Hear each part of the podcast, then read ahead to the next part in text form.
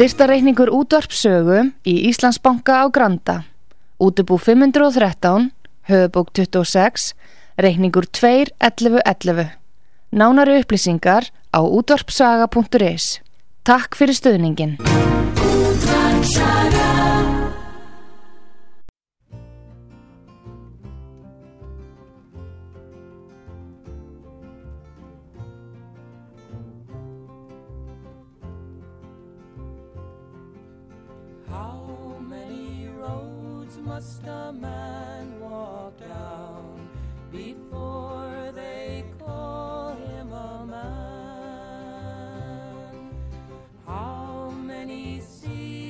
Must a white dove sail before she sleeps in the sand?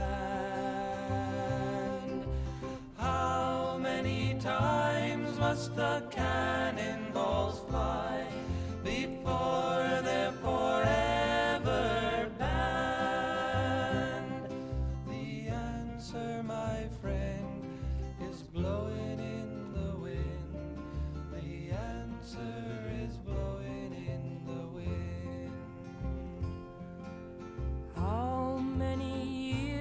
must a mountain exist before it is washed to the sea?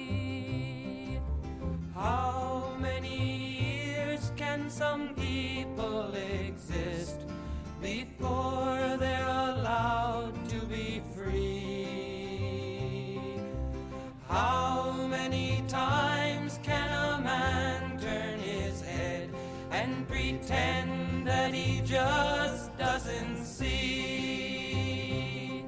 The answer, my friend, is blowing in the wind. The answer is blowing in the wind. How many times must a man look up before he can see the sky?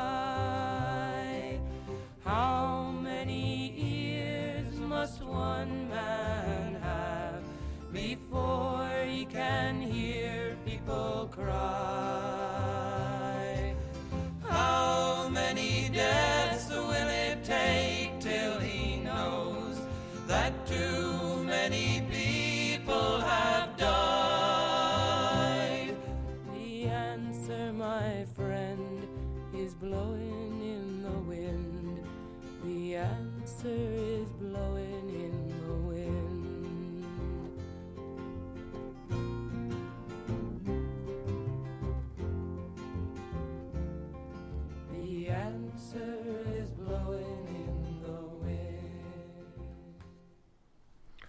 Hlustundu út af sögu komið þið sælir, þetta er þátturinn Stjósísla Íslands í mínum augum.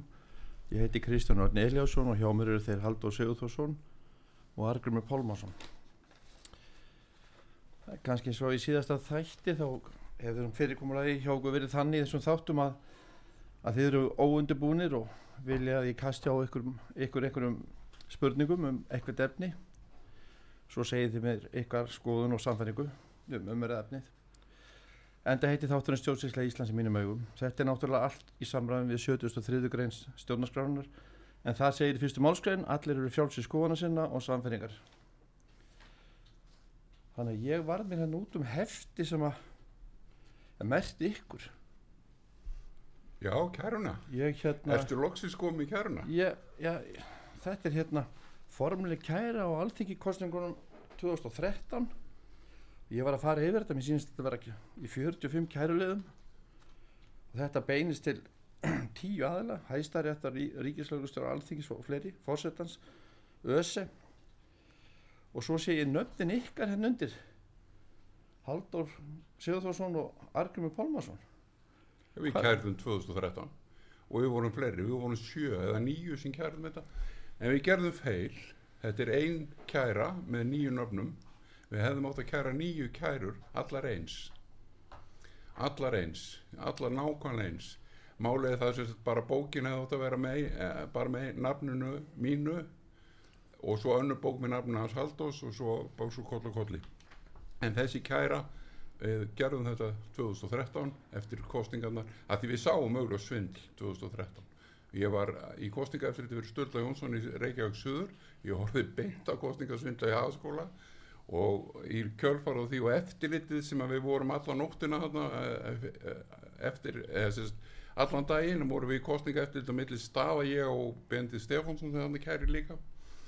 Og við báðum um það að hitta ösumennina. Þeir fár, voru annarkot alltaf á undan okkur eftir okkur, við gáttum aldrei, þeir voru ekki með síma hjá þeim, það var ekki að þetta ná í ösi neinstafar þeir pössuðu það þeir sem voru með kostningarnar að ösi næðist aldrei. Og við náðum aldrei og þetta, þetta gengur ekki upp að því við höfum þetta strax ölluðu að kvarta. Og það sem gerðist þarna var að við punktuðum niður fullt af atriðum og maður nokkur sem heitir Brynja Ragnarsson markas sérfræðingur eins og þú Kristján hann sagði þegar hann lasi þetta veistu það, ég ætla að búa til kæra hann var sjálfur að búa til kæra alveg sem að, hann kærði 40 lögmun og, og ég man ég var 10 dómara það er ekki komið út úr henni ennþá en uh, út af hús uh, upp, uppbóðið sem átt sér staði í Hafnaverði á húsunans sem var 100% ólöflegt og hann sagði ég ætla að bæta þessari vinnu á mig líka og ég ætla að búa til þetta. Og þess vegna er þetta þessi kæra hún er svo professional að þú gætir ekki gert þetta betur þó að, þó að hérna að, að þú myndir reyna í dag. Hún er, það, hún er það vel útsett. Og all kæran er rétt og alveg frá 2013 hef ég ekki kosið vegna þess að ég eh, bara get ekki kosið þegar ég veit að það er svindl í kostningunum uppsetningin, kjörstjórnunar eh, framsetningin. Þú segir þeir borga núna eh, sko krakkar þeir setja auðlýsingar í háskólan og segja þeir sem vilja vera í kostninga eftir liti þeir uh, hafið samband þeir fá 30, eða fengu síðast 30-40 þúsund krónur fyrir daginn og fríar pítsur þetta er, þetta er nú aðdrátturinn til þess. Síðan er hérna fólki sem er að telja það fær svipa Er, er það að segja með það, að- eða okkur, er það að segja okkur það að, að það sé svindla í alþingiskostum? það hefur ekki verið löglega kostning það öllum kostningum, bæði, bæði fyrir alþingiskostningum ég sé að Vítus Haustótti kærði líka borgarstundakostningarna og fekk staðfesting á að þær voru réttar. Kæran, hún kærði það 2018 og fóstakostningi sjálf núna 2020, hún var líka svindl vegna þess að, að fósittin sjálfur sem er aðstimaður Íslands hann set, eða, fekk undirmann sinn áslu örnu til þess að búti nýja reglugjör sem leiði það að mætti mæla með fósittónum í, í framhaldskostningum í, í tölvu og þá þjóðskrá að tala var notu til þess að, að, að skrifa meðmæli. Og hann var engast undan á í meðmæli. Ég fór í fósta fram på 2020 til þess að mótmæla þessu. Ég fikk fullt af meðmælendum en ég átti náttúrulega ekki sjens í sitjandi fósita, ekki sjens og menn þurfu ekki að halda hann en ég mun kæra sitjandi fósiti, er þetta ekki fósiti hann hann er bara tók sér vald. Og hann ætti líka, menn ætti líka að lesa bókin hans, hans eigin bók sem heitir Völundarhús valdsins sem hann skrifaði um fósita tíð fyrri fósita ekki, ekki Óla Sargnar Grínsson heldur áður. Hann skrifaði þar bókum nákvæmt um völundarhúsið á bakvið fósitan valdtauman í allar áttir. Þá og guðmund góður bókin er þannig útfærð að það er engin að nota hann á hann sjálfan þegar það kemur í réttasalina hann mun þurfa að lesa úr henni í réttasal þegar ég sæki fram kröfur upp á 600 miljardar króna. Að þá mun hann þurfa að lesa sjálfur úr sinni eigin bók um heiðarleika á sínum eigin starfstíma á sínum eigin ábreðtíma. Jóhannesson. Haldur, ég sé að þú ert hérna skráður sem kjósandi, ert þú kærandi? Ég er kærandi í þessum, þessu, þessari kæru þarna og eh, þú sagðir að það var hvað 45 greina ég, mér- 45 kærulegði sínist mér. Já, 44 er það ekki. Já, ég man ekki alveg töluna. En takt eftir því að marg, margar þessar greinar sem voru brotnar þær voru tví og þrý brotnar. Það voru nokkrar þrý brotnar og, og margar þeirra tví brotnar. Og þetta náttúrulega er þvílíku sóðaskapur það hálfari nóg. En þá langar mér að benda á hvað þarf að gera hva, hvernig þarf kerfið vera á Íslandi til þess að hægt sé að svindla í kostningunum það er hérna fyrsta ratriðið er það það vantar fógeta sem hefur lögvald og á að stýra fógeta og, og, og hérna hrefstjóra sem að, hafa lögvald og eiga fylgjast með kostningum og það er ekki þannig að það er, það er fyrsta atriði sem að þarf í, í, á Íslandi til þess að hægt sé að svindla í Þú kostningum vilt minna sér bara me- me- meina að það sé minna eftir núna. Já, það en er- Má ég inn á þetta kostningavendir Málið er það að e, þegar lög 9289 tóku gildi 1. júni 1900, nei, júli 1980, nei, 92 þá lögðu menn niður hre- 172 hrefstjóra og það voru 172 hreppar á Íslandi og það var hrefstjórin var alltaf og hann er skildug til að vera ábyrð hann er fyrsti ábyrðaðili á öllum kostningum, alveg sem hvort það eru sveitasöndum kostningar sem kom úr hreppnum hvort það eru alþingiskostningar hvort það eru fóstakostningar eða e, e, þó það veri einhver aðra kostningar hann ber ábyrð okkur um einustu kostningum sem frangvandir er í refni sínum.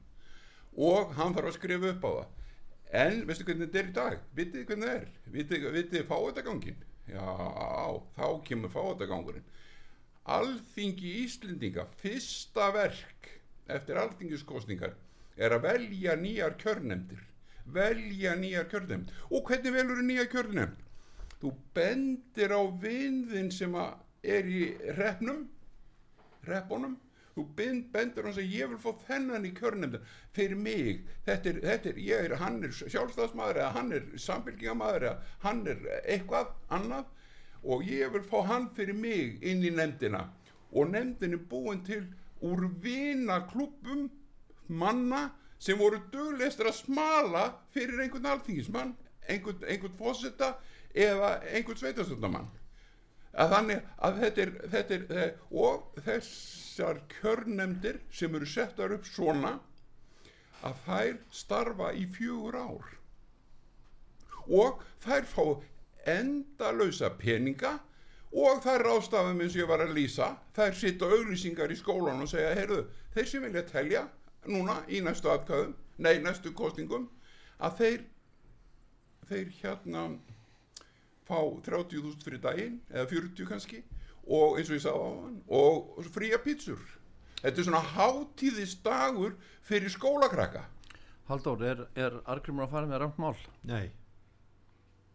Hann inn- alveg með rétt mál. Já, og það er hérna að það er ég maður búin að sjá svo ímislegt og maður búin að velta fyrir sér hvernig, hvernig svona svindl gæti átt sér stað nú ætlum ég ekki að segja að það sé vera svindl á þennan máta en það þarf ekki nema þrjá aðilja á, einni, hérna, á einu kjörstað.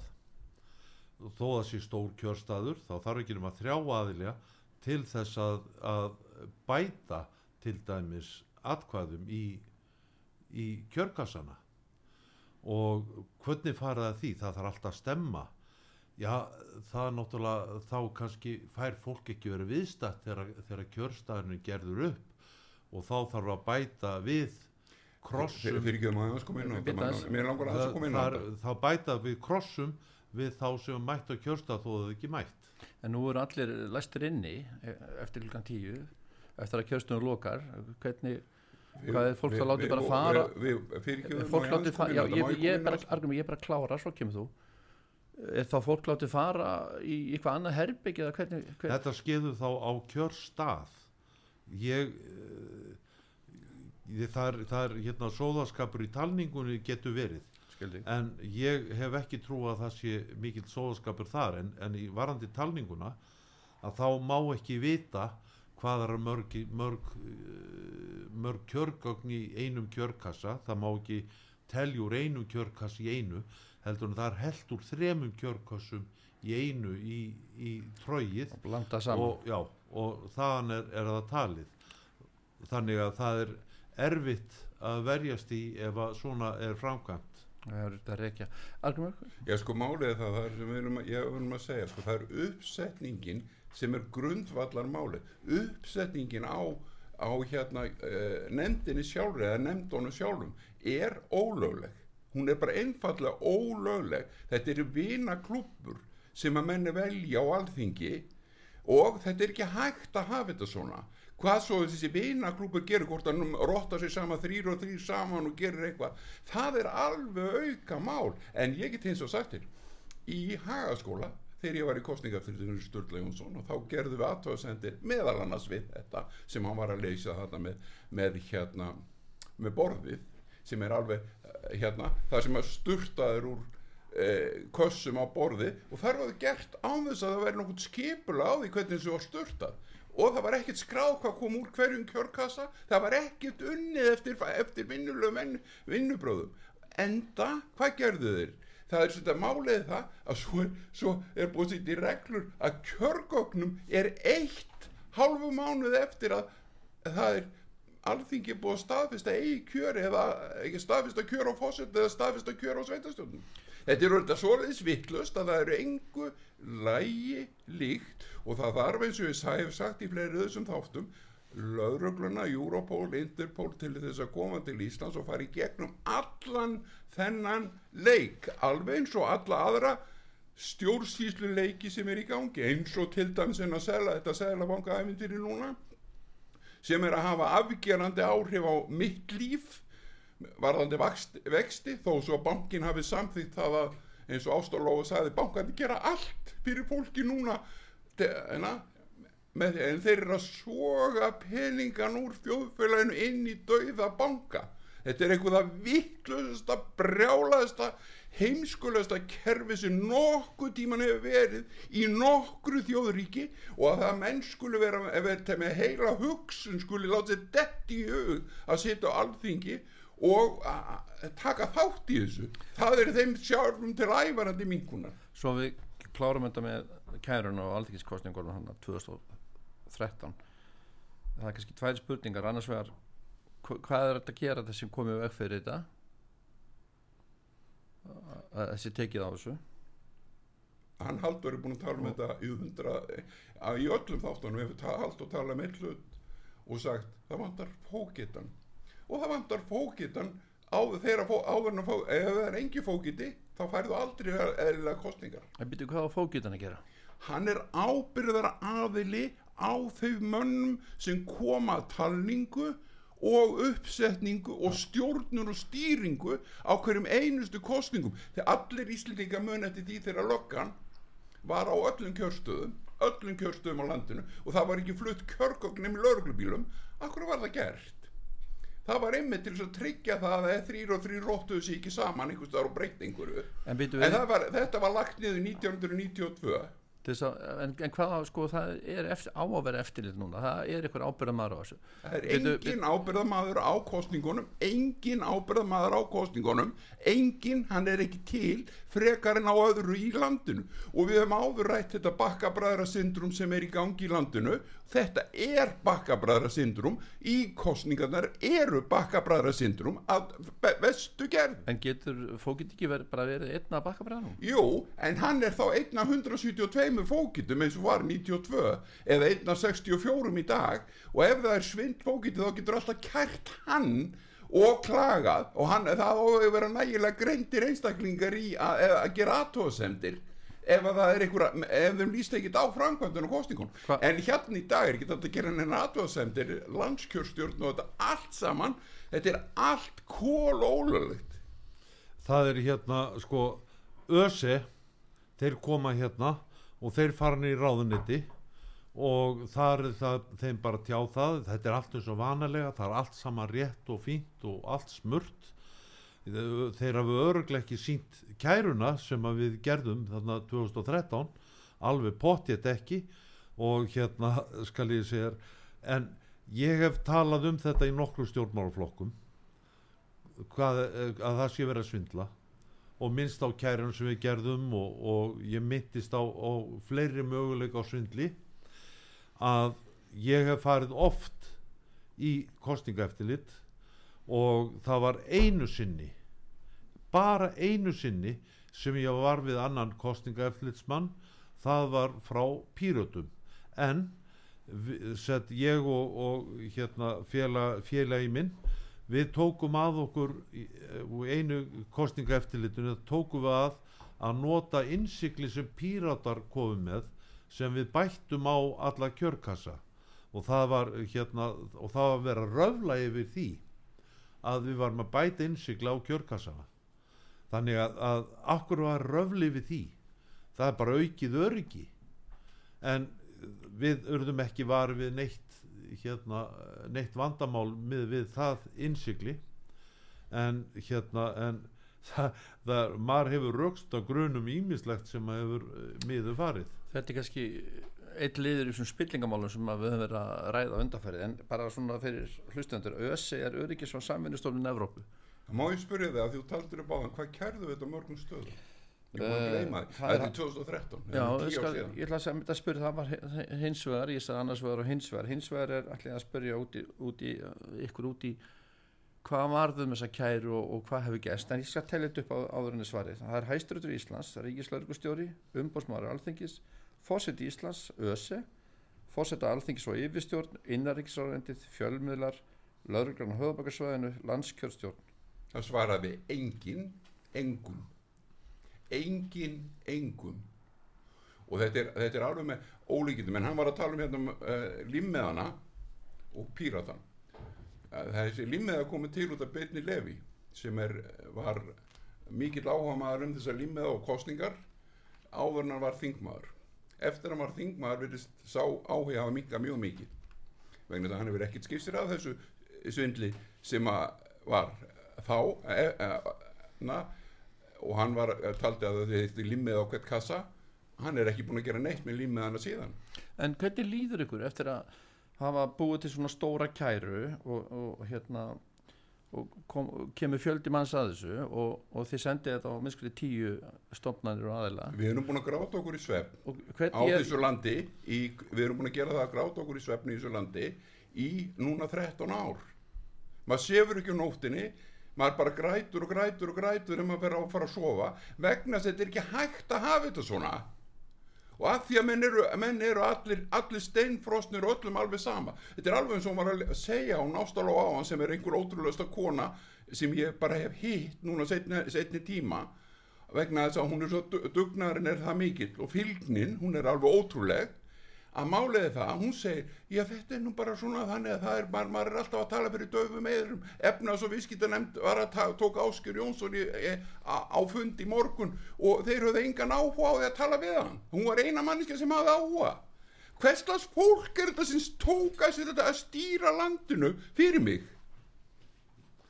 Já, það er hérna það er Ásker Jónsson er náttúrulega uh, aðtiklisverðu maður frá minnum bæjutunum séð, ég hef nú minnst á þetta áður en að ég fór ásand öðrum manni til Keflavíkur, það var Sturla Jónsson sem fór með mér. Og þá var Ásker Jónsson að, kynna uh, rit sem hann gerði fyrir samtök fjármálafyrirtækja.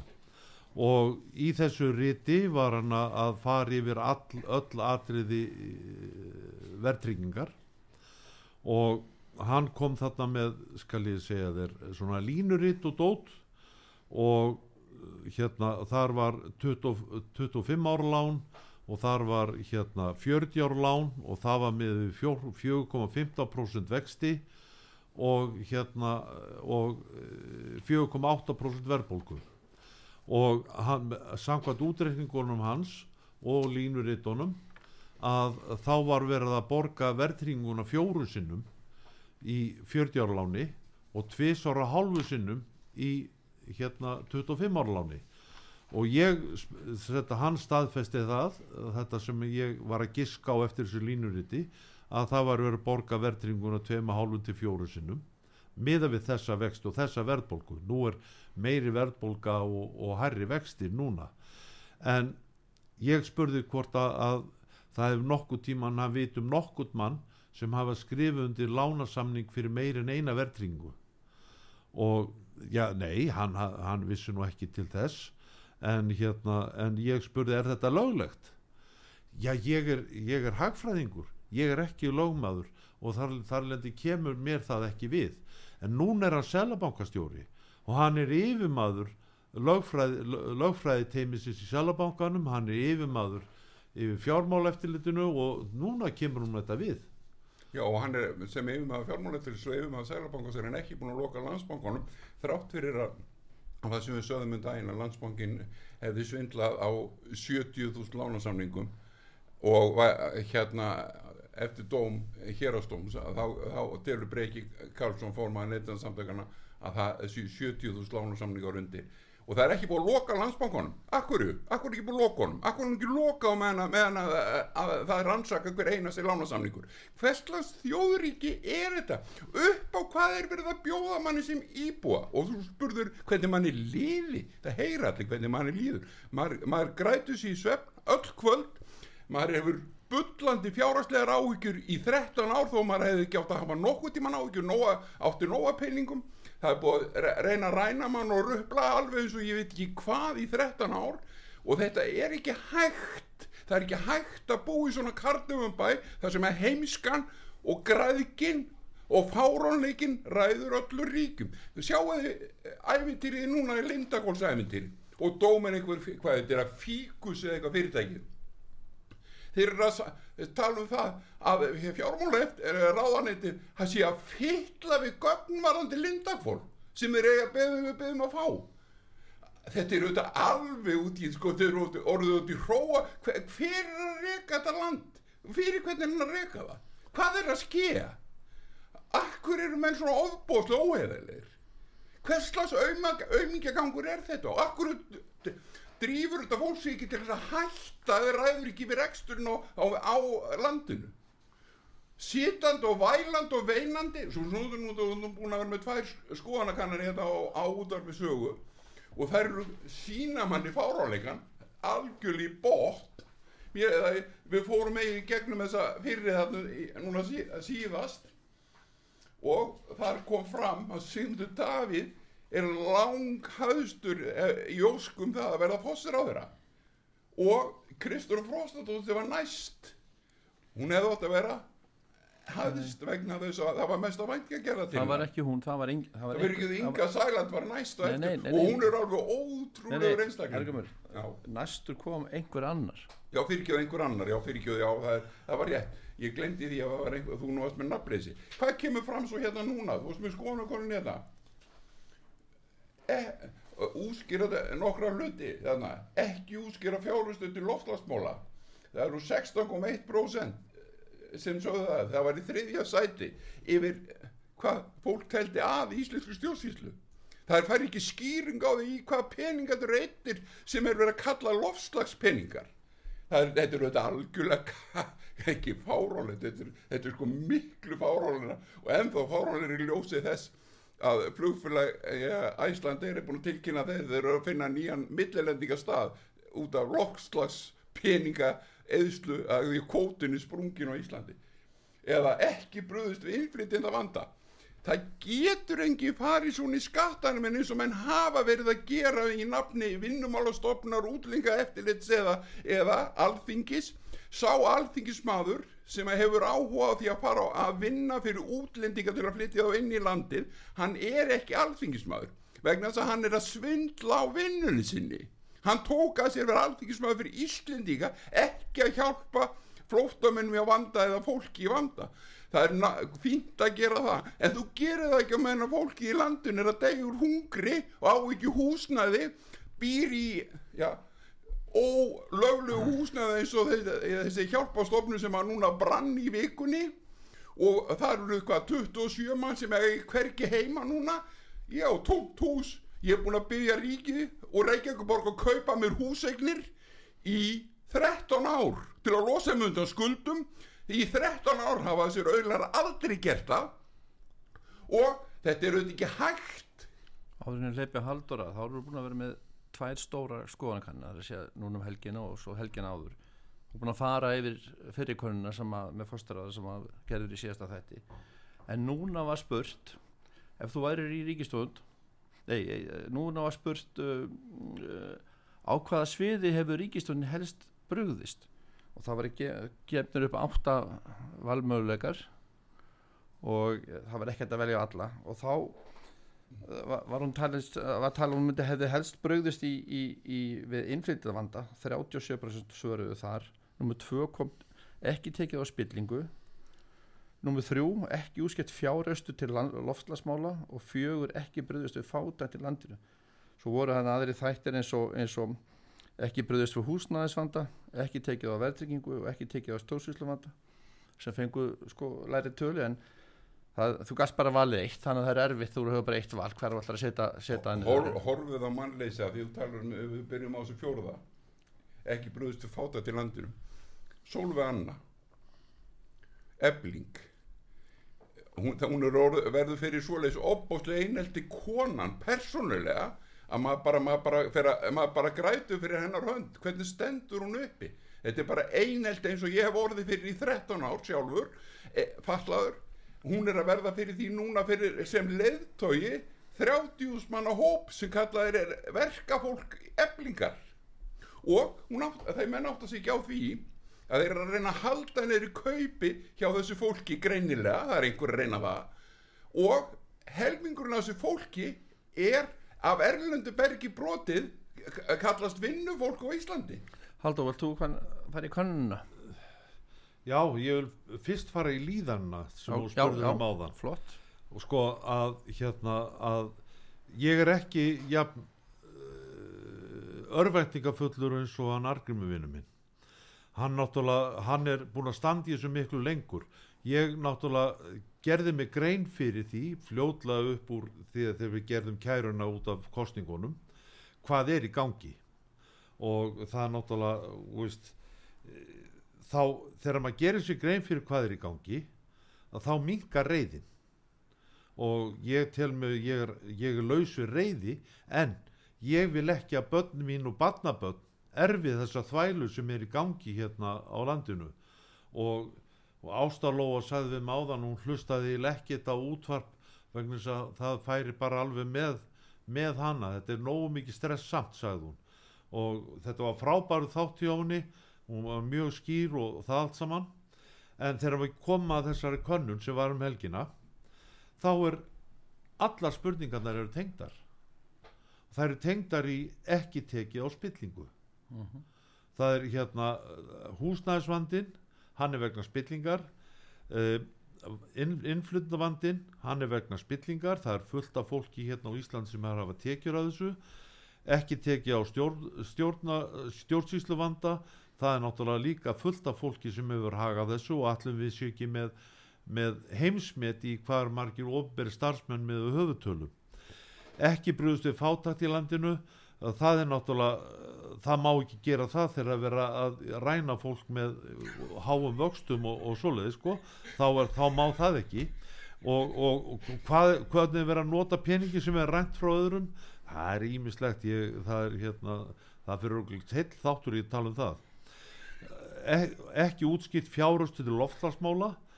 Býtum við þeir eru ekki byrjar að tala um loftslagsmálin.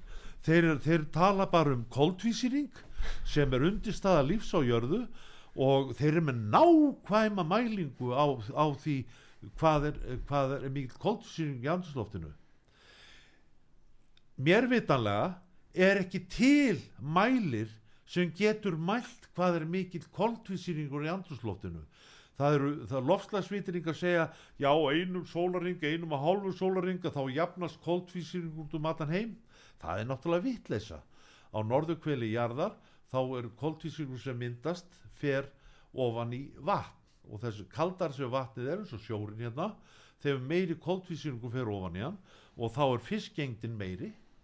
Þá, og, og ef að, að katalitla hefur, hefur hefur hérna skal ég segja þér sínu fram með þessi lofslagsmál, ímyndunamál sem hún er með þá eðilegur fiskimiðin hérna. Það er hérna og bröðist við fákefni það er náttúrulega hluti af þessari spillingu sko það er, það er bara það, það, almenn fyrirtæki í landinu eru ekki fákefni það eru bara, það eru tryggingafélögin og það eru bankarnir sérstaklega bankarnir, það er engin fákefni þar. Nei, það, það er engin samkefni þar og ekki tekið á verðtryggingu það er alveg rétt að það er sömu ástæðu, það er út af spillingunni. Ekki bröðust við húsnæðisvanda það er nákvæmlega sama það er, það er húsnæðið þarf að fara fyrir hérna hælisleitendur og það hefur bara lengst byðraðirnar Íslendinga sem að hérna vantar húsnæði og ég hef nú minnst á það á, á þremum fundum hinga til að hérna að það sem að þessi húsnæðislausu íslendingar ætti að gera þeir geta alveg slegið saman nokkra krónur frá hérna frá ættingum og vinum sem eru að hugsa vel til þeirra fengið sér flugfart til spánar þar er fyrirtæki sem er að selja uh, vegabrjöf frá Venezuela koma svo aftur með þetta vegabrjöf og tala bara tungum og helst ekki neitt segist þeirra mállausir eða bara gefa það í skinn og þá fá þeir húsnæði hérna í fjögur ár og miklu betri þjónustu heldur en, það, heldur en nokkur fær hérna öryski eða eldri borgari. En nú er sko nóga vandamálum virðist vera en hérna eh, held, haldið að ríkistónir muni leifa þetta áfram á sumar? Eða er mönnum bara slétt saman? Ég held að mönnum séu alveg slett sama ég held bara að mönnum séu þetta að segja andvaraleysi er svolítið svo opbóðslegt þetta er alveg sem í borginni. Það er andvaraleysið í er, er sko þegar borgarfullurinn kemur og lýsir 5 herbyggja, eh, nei 5 fermetra herbyggju kostar 140.000 krónur og gerir svo ekki neitt í því en, en samt er þetta á hennar ábyrð þetta er allt fárarleiki bara stutt að því við erum að í auðlýsingar Rokkurúton, er hún komin í bæinn? Ég held hún sé komin í bæinn, en hvort hún er búin að fara að loka ferðina eða hvort það verður farið hringul tvö, það get ekki svara. En það var, kom fram að það væri kannski spennandi fyrir Förum í að fara það. að ringi Reykjavík. förum, á, förum í það á eftir en við ætlum að fara í auglýsingar og svo sendum við bara þessum fólki sem var í rockrútunni og var að ferðast um helgina stjórnmálumönnum kveðjur með kátu voru karlar og það eru skagakvartindi sem spilar eftir auglýsingar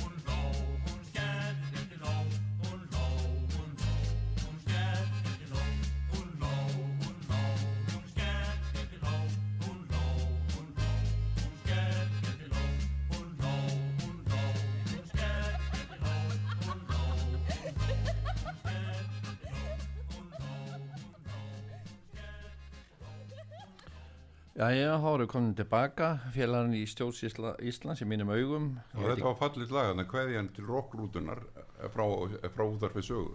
Þetta var mjög frábært, þetta var eiginlega alveg mjög þart að eh, þessir höfðingjar sem fóru í rockrútunni að þeir fengu þarna góða kveðju frá útvarfið sögu og mér, Arngrími. og, og allir komið þeir aftur Já, ég vona að Guð gefi það að þeir hafa allir komið aftur. Nema að Og- vísu Brynjar uh, Jón Gunnarsson sagði á fundi Sjálfstaflóksins að, að Brynjar hefði verið bara hent út á miðvikudeginum Já, Brynjar, Brynjar átti, Brynjar var nú með fundin og löðin ekki Jón, Jón kom nú bara upp í ræðustóluna eftir, eftir Brynjari og Brynjar Níelsson fór á kostum í valöll á lögadaginn. það var einhver ótrúlegasta og skemmtilegasta ræða sem ég hlusta á hjá, hjá já, fyrrum stjórnmálamanni eða stjórnmálamanni eða einhverjum vegna þess að hann sagði í rauninni eru allir Íslendingar sjálfstæðismenn og þar er ég sammálunum því við viljum all hafa sjálfstætt líf og líða vel og að fjölskyldunar geti gert það sem okkur þetta er í huga að gera og þurfum ekki að hafa áhyggjur af peningamálum eins og menn er að gera, gera núna þeir eru að breyta öllum fátæklinga til þess að dauðir bankar eða stopnarnir geti grætt peninga er alveg, er, hann talaði um þetta mjög mikið og hann sagði allir Íslendingar ætti að rýsa upp, rýsið upp Íslendingar, sagði Brynjan Nílsson og notaði hendurnar með miklum áherslum og sagði úrskurðanemndir ríkisins allar eru ólöglegar og það þarf að stöðva allar úrskurðarnemndir íslenska ríkisins sagði Brynja Nílsson í ræðustól valhallar á laugadaginn og ég er 100% sammálunum engavættar úrskurðarnemndir í hundruðum talið hundruðum talið eru allar ólöglegar. Og svo langar mér að bera sérstaklega kveði til vartamálar áðurans í rockrútunni og bróðurinnar bróðurinnar er sérstakur, ég var að lesa um það núna ég hef nú bara las það nú bara áður en ég kom á hann á í hennan útastátt bróður vartamálar áðurans fær 90 miljónir á mánuði kaup fyrir að vera reka fyrirtæki fyrir um bensinsölu það er, það er, hefur, er, með, er með fyrirtæki fyrir, sem er fyrirvændi bensinsala og fær 90 miljónur á mánuði fyrir að, að vera fóstjóri í einhver, einhver svona leikaraskap. Og ég held að það þurfa að fara að skoða þessu allar þessar tölur þessar ofbóðslugu svoganir og peningum til örfára í hvaða tilgang gerir þetta? Á sama tíma hleypur varnamálaráðherran með ávísuna hefti ríkisins sem að ég skattana minna sem ég veit alls ekki hún geri og borgar alls konar reikninga fyrir einhvern land sem kallað er Úkraina Ég ætla aðeins að koma með einskot uh, að því að Brynjar var þarna að tala um uh, já, já úrskurðarnefndinar og hann nefnilega vil meina það að ráðherra sem á að vera ábyrgu fyrir sínum málaflokki hann get ekki verið það ef það er þetta einhverja úrskurðarnefndi sem geta tekið á málunum eftir ráðherra er fjallað um það. Þannig að hver þá ber ábyrgð? Er það ráðherra eða er það úrskurðarnefndina þannig að uh, ég er nú fyrir fram ég er nú reyndar ekki að lesa þetta hérna en Trausti Fannar Valsson hérna í háskólanum stjórnsýslu kerfi skrifaða bók sjálfstæða stjórnvöld sjálfstæða stjórnsýslustofnanir sjálfstæða stjórnsýslu nefndir sérstakar yfirstjórnunur og eftirlitsheimildir sjálfstæðar úrskurðarnefndir og ábyrgð ráðherra. Það, það kannski fellur undir það sko að að það er mjög erfitt fyrir ráðherra að taka ábyrgð á, á, á einhverju sem hann eh, hefur ekki vald á. Það var það sem Brynjar Nýjursson lísti þetta er alveg rétt, ég, að, ég bara var ekki komin svona langt að lýsa þessu eins og þú ert búin að lýsa þessu núna Kristján, takk fyrir að lýsa þessu að þetta var alveg rétt, Brynjar var að segja þetta að þetta væri eilíðir áreikstarar og hann sagði löggan gengur ekki upp. Löggan, domstóli gengur ekki upp. Og við ætlum að breyta þessu öllu. Við Jón erum alveg á flegi ferða að breyta þessu. En það er, það er nú eiginlega þetta með lögguna sko, við erum eiginlega búin átt okkur á því við þurfum eiginlega að breyta Ísland í eina lögsugu, Ísland er 64 lögsugur í dag. Og voru 172 þegar, þegar lög 92-89 tóku gildi 1. júli 92 þannig að það er búið að, renna sama lögsugun og fækka hann er í 64 en hann, er, hann er búin að fatta það Brynja Nýrsson, hann er búin að fatta það að, að, og Jón Gunnarsson, þeir eru búin að fatta það. Já, en rauninu þurfa að setja þeim vegna þess að þetta ríkiskerfi fyrirtæki ríkisins ríkislauruglustjóri eða laurugla höfuborgarsvæðisins eða dóm, hérastómur Reykjavíkur þetta eru fyrirtæki í eigu ríkis og hafa bara ekkert með dómgjastlega að gera. Þetta eru fyrirtæki sem er ætlað að dæma og ætlað að leika einhverja lögguleiki eða, eða varnamálaráðurinn sem, að- sem að borgar uh, gjald til landsýttingsgæslunum til þess að leika það að vera NATO hérna aðilar Hal- Halldór? sko að hérna að maður er bara fýpast aðeins núna en það er sko að þessi leiðangur með hérna með rútuna og það eru fleiri stjórnmálamenn og, og fleiri flokkar sem hafa farið í svona ferðir. Og ég vil nú meina það að, að þar, þeir trúlega er að flestir að segja satt. Og þarna kemur Brynjel Níusson og segir satt þegar, búið að, þegar hann er leistur frá störfum. E, það er hérna vandin einn af þeim vanda á Íslandi er sá að hérna þingmenn sem eru ránir á, eða sett kostnir á þing þeir haga sér eins og þeir séu ránir ekki kostnir og þeir eru ekki að vinna fyrir fólki sem kaus fólk, þetta viðkomandi fólk á alþingi. Og ég, er mörg ár síðan að ég var var við þetta og ég skrifaði opið bref til allra alþingismanna sem var byrt í morgunblæðinu og sett meirinn það að ég velritaði á, á nafn hvers þingmanns á bref og fór með þannig í alþingi og setti það persónlega í hólfin hjá viðkomandi mönnum. Og ég bað um svar. Hvað, hvað ætlaðu að gera? Sett, það máli var það ætlaði að vinna fyrir almenningi landinu. Ef að þið ætlaði ekki gera það þá myndi ég óska þess að þið segðuð af ykkur þingmennsku og hleypa að fólki sem væri tilbúð að vinna fyrir almenningi landinu. Eh, ég fekk náttúrulega engin viðbröð við þessu fremur en vanalega þegar ég skrifaði greinar í, í mokkan. Nema það var einn bloggari sem skrifaði um mig. Og síðast þegar ég uh, googlaði nafnum mitt á, á, á Google að þá kemur þessi bloggari upp og þar byrtir hann greinina sem ég, sem ég skrifaði og, og kalla mig byrðasmiðin sem alþingi ræðist ég fekk ekkert svað frá neinum alþingismanni það var vísu einn maður sem hitti mig og sagði þetta er mjög aðtilsvert hjá þér. Punktur.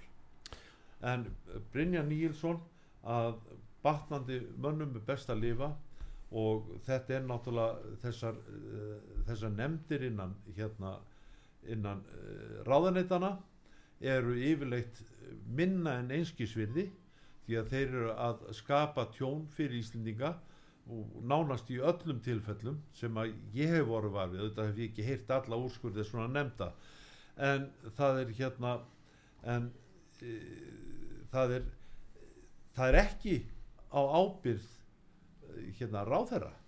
Það er ábyrð fórsta Íslands að þetta skul ske. Því að hérna að þessi úrskurðarnefnd verður að fá náttúrulega hérna eh, ráðherra til að samþykja sem er náttúrulega alveg rétt en hann má ekki samþykja nefnum fórsti Íslands samþykja Það kannski koma öll stökt inn á það í lokin en þarna til þess að klára þetta með valöld argumur því þú varst þar uh, þeir voru sko bara mjög fyndni báðu tveir Jón Gunnarsson og Brynjar þetta var bara skemmti kraftar Þetta var náttúrulega bara ótrúlega skemmtilega fundur. Og hérna Brynjar uh, sko talaði um að sko það væri búið að reka þá og, og hérna og uh, þeir hættust okkur öðrum og það var mjög gaman og, og Jón rak Gunnar í bytni því hann sagðist ekki geta sagt eitthvað meðan maður þessu starfið þá rak Jón hann bara strax. Og þannig að þeir höfðu gaman að þessu. En, en það kom fram allavega hjá þeim að sko þeir eru náttúrulega með grunn stóðir ríkisins hjá sér í dómsmálavændunum og sjálfstaflokkurinn er búin að vera með þetta ráðunliti hvað er núna í 14 ár sannlega eða allan á að vel á annan áratug. Þannig að, að sko þetta er búið að vera í höndur sama flokk sem er sannlega marklofin og, og þannig ef að menn þurfa að taka til þar þá, þá er greinlega þarf að taka til þá í sjálfstaflokkurinn líka uh, finnst mér. Og það kom fram hann þess að komið svo frá að með innflytjandi vandamálinu að tala það alveg eins og Ven- Venezuela að það er búið að taka á því, það er búið að stöðða það að uh, menn þarf að fara í gegnum strangt eftirlit núna og, og þess, það er búið að stöðða hennan stjórnlösa ja, þessi stjórnlösu komin til landsins sögðu þeir. Já. þannig að bara svo uh, var það eitthvað meira argument sem var í þessu?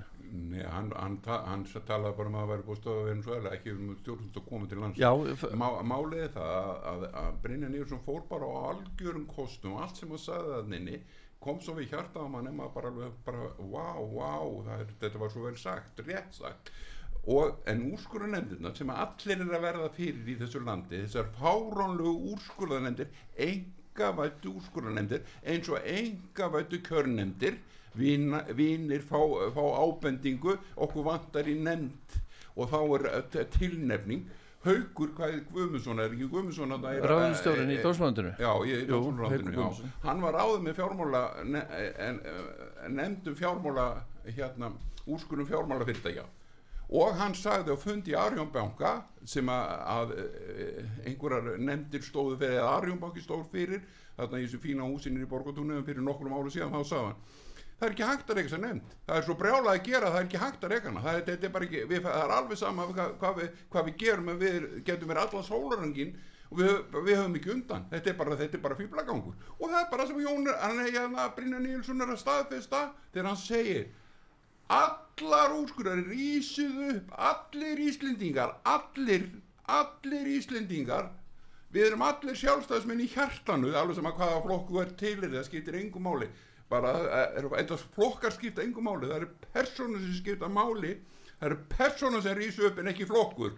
Og rísið upp og segi nei við viljum ekki svona fýblagang svona heimsku kerfi eins og er í, kartöfumbænum hvað með hérna við vorum að tala um þessar skoðanakannur áðan og það er fullt af vandamálum og fullt af spillingu og, og hérna staðan í slæm og, og svo fyrir með til göttum uh, nú er talað um það að borgin sé illareikin Býtu við, er, er eitthvað betra að fá aðra flokka inn í borgina? Er, er þetta ekki allt illareikið? Og, og, og hvað með rockrúku eins og þú sagðir á hann að fara með uh, borgarlínuna bara í, í, í svona Já, það, þetta þú komst með þessu hugmynd það var nú sennilega ágætt að þessi 23 borgarfulltrúar á þessum 23 aðstofa bor, að, eh, byrju, vara, hvað kallar þetta, vara borgarfulltrúar að hérna að eh, þessi 46 mann færi upp í rútu og myndi keira borgarlínu teikninguna eins og þeir komast næstinni og tækja og stoppuðu á víð og dreif og myndu tala við kjósundur og sjá hvort að það væri ykkur áhuga borgarlínunni á leiðinni.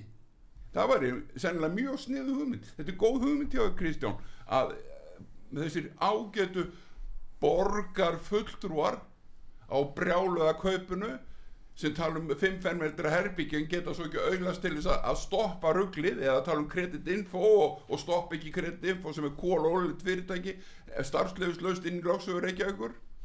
Og þetta er, þetta, er, þetta er allt saman stjórnlust fáetagangur og ég vil ekki búa í svona fáetalandi þetta er fáetaland er, það er, Íslingar er ekki svona heimskir að, að, að eh, vilja láta, láta svona hálfvita hátt gangi yfir eins og er að gera og búa að gera núna síðustu 30 árendar Aja, e, má ég minnast á eitt atrið varandi verðringuna já, að hérna að það var nú minnstu um daginn í fjölmiðlum að það væri hérna úr stórverslunum hérna á höfuborgarsvæðinu þá er stólið vörum þar fyrir nálagt 6 miljardar og er að tala um það að þessu jafnvel skipilaði glæpahópar sem eru erlendis frá sem er að gera þetta. En hver borgar fyrir þennan þjófnað? Það er náttúrulega neytandi þjófnaður veldur verðbólgu. Ef að þjófnaðun eikst þá eikst verðbólgan. E, núna eru bankarnir að hvetja alla til að taka hérna verðtrilán í staðin fyrir hérna láninu eins og Ástalóa var að tala um áðan og, og það, þá voru smá hjaðnað sárið sko fyrsta árið annað árið þá voru það voru verra þriði árið að í lók þriði ásins þau fært að borga meira fyrir verðtriðalánið heldur en var fyrir hérna fyrir uh, lán á föstu vöxtum. Og ég tel að þarna sé verið að stela frá al almenningi þá þarf almenningur að hafa herri tekjur það veldur verðbólgu því að þá þurfa fyrirtækin að, hérna, að vera meira álagningu og, og svo framvegis. Að þetta er alveg auð bara augljós dæmi um það að verðtryggingin er þjófnaður og þjófnaður skapar verðbólgu. Um, Þetta er svo, þetta er búið, hann er búin að skýra þetta spillingarævendir og verðtryggingarævendir könnunina sem að útvarsaga var með. Hann er búin að skýra hann svo vel hann haldur að ég myndi myndi gefa hann velum fyrir þetta. Ég hef, hann hefur ekki talað svona skýrt og flott í, e, með, með svona mál í langan tíma en þetta er, þetta er geggu skýring á hann takk haldur fyrir þessa, þessa þessa framsetninga á þessu því að þetta á sér enga en, engu líkur. Og við höfum örfá mínútur eftir. Ég fórsett Íslands af því þetta fer oft böndin beinast oft á honu þegar menn fer að kvarta. Vilja meina að hann beri ábyrða á svo öllu saman með og hann ger ekki nýtt, bara að gera leysi því að við talað um það. Við höfum verið með sex fórseta frá lífildistofnun við vorum með, þú getur komið inn á það haldur við vorum fyrst, fyrst með Svein Björnsson og svo Ásker Áskilsson Kristján Eldjörn, Vigdís Fimbadóttir Óla Ragnar Grímsson og svo Guðuna T.H. Jónesson núna. Já, og ég hérna- hef engar sögur af Sveini Björnsinni eh, sem að, ég hef staðfest frá mönnum sem ég þekki. En hérna Ásker Áskersson að ég hef s- sögur frá mönnum sem að, að voru í sundlónu með honum þar sem hann var að skamma þingmenn og hóta því að, að ég bara segja það reynt út ég skrifa aldrei undir þetta frumvart verði það að lögum. Þannig að ríkisráðan var í bóttónum. Já og hérna og það er annar maður sem ég þekki var var við svipuð við bröð hjá Kristjáni Eldjátt það var einhver stað fyrir norðan sem hann var. Og auðvitað hérna þegar maður sjá fréttir af Kristjáni Eldjátt var hann alveg öskur reyður út í þingmenn og, og hérna og hótaði að slíta þingi og, og að slíta uh, henda ráðherranum burtu og, og kom með ráðherra sem hann var búinn að velja og hann var með heilan lista yfir það að þá hjöðnuðu þeir og fóru að haga sér skinsalega um tíma trúlega verið skítrætti við Kristján Eldjátt hann var að vinna fyrir þjóðina. Síðan var, var Vigdísi henni var talið trú um það að hún hefði engin völd sem fósiti hún væri bara puntudúka sem ætti að brosa tala frönsku og önnur tungumál og, og taka móti erlendum, erlendu fólki hann hefði engin völd.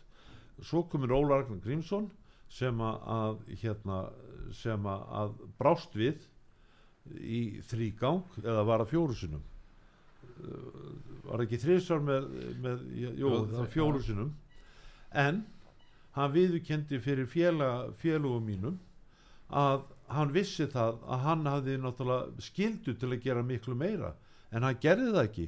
Og afsökunin fyrir því var það verður allt vittlust og alþingi ef ég stend við mína plikt sem fórseti og svo er það núna hérna núverandi fórseti hann lísti því yfir þegar hann fór í frambóð að hann ætlaði alls ekki að skipta sér að stjórnmálum í landinu en hefur farið í svona veislur og, og farið í badnamæli meira segja. Erðu það talandi um núvarandi fósita þá skrifa hann bókinu svo ég sagði fyrir þessum þætti Örundrúsvaldsins og það er bók sem að lýsir því hann getur ekki verið fósiti vegna þess að máliði það að spillingin sem að þú mældu hérna í, sem annað sæti hún er svo rosalega í landinu og hann talar um Örundrúsvaldsins er um spillingu í tíð fyrri fósita sem að starfa á undan honum ég geti bara lesið um það í bókinni hvaða fósita það var.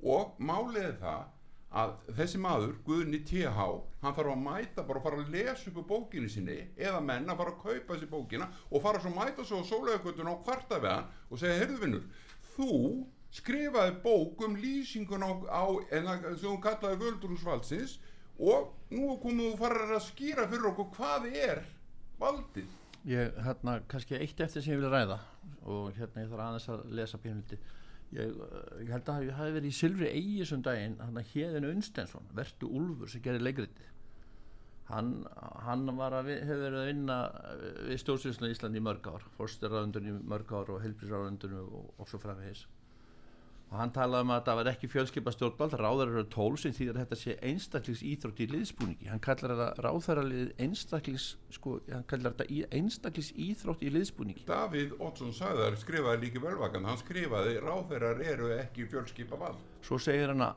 að það sé aldrei skrifaði fundagerðabók ríkistjórnar að mál hafi verið samþitt mál eru aðeins rætt. Já, hann Davíð Oddsson skrifaði líki velvakanda í að hann skrifaði þetta líka þar. Hann skrifaði það að að menn býða fyrir utan ríkistjórnar fund eftir niðurstöðu fundarins.